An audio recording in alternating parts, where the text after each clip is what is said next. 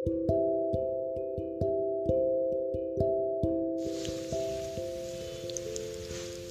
selamat malam guys. Masih bersama dengan gue Devita di podcast Hampa. Oh iya, sebelumnya aku mau nanya, gimana kalian yang udah melewati ujian UTBK? Susah atau gampang?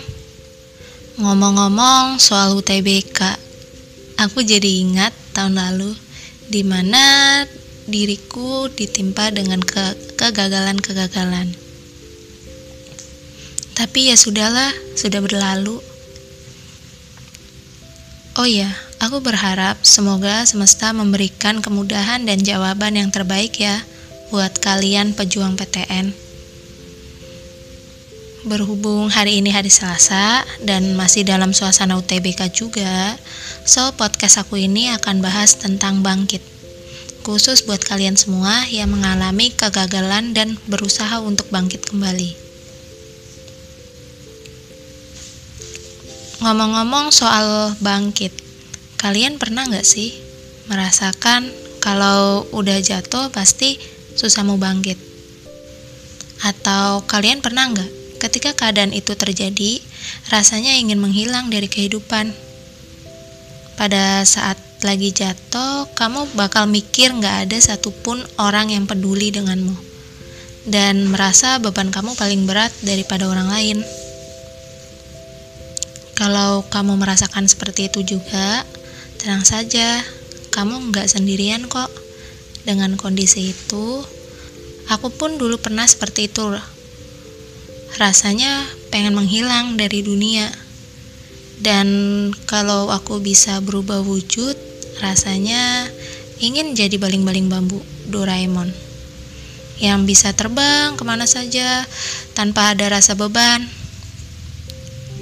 Aku bahkan waktu lagi jatuh itu malah sampai akun sosmed pun aku nonaktifkan semua. Saking aku takut ditanya sama teman-teman nah jadi waktu dulu pas tahun 2018 kan aku pernah gagal masuk PTN juga kan.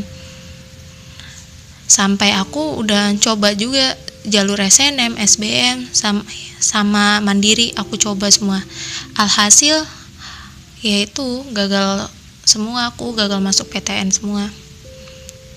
Sampai aku mencoba open minded dengan lingkunganku iya lingkunganku. Aku mencari lingkunganku. Kalau lingkunganku nggak mendukung untuk berproses buatku ya aku tinggalkan saja. Aku cari yang lain. Maksudnya aku cari yang lain tuh aku cari lingkungan yang baru lagi yang mendukung proses buat diriku sendiri buat bangkit kembali gitu. Dan aku tuh kalau misalnya lingkungan saja nggak merubah diriku ya aku kembali lagi kepada diriku sendiri. Semua itu kembali lagi kepada diri sendiri. Kalau diri sendiri saja nggak mau bangkit ya udah bakal tertinggal.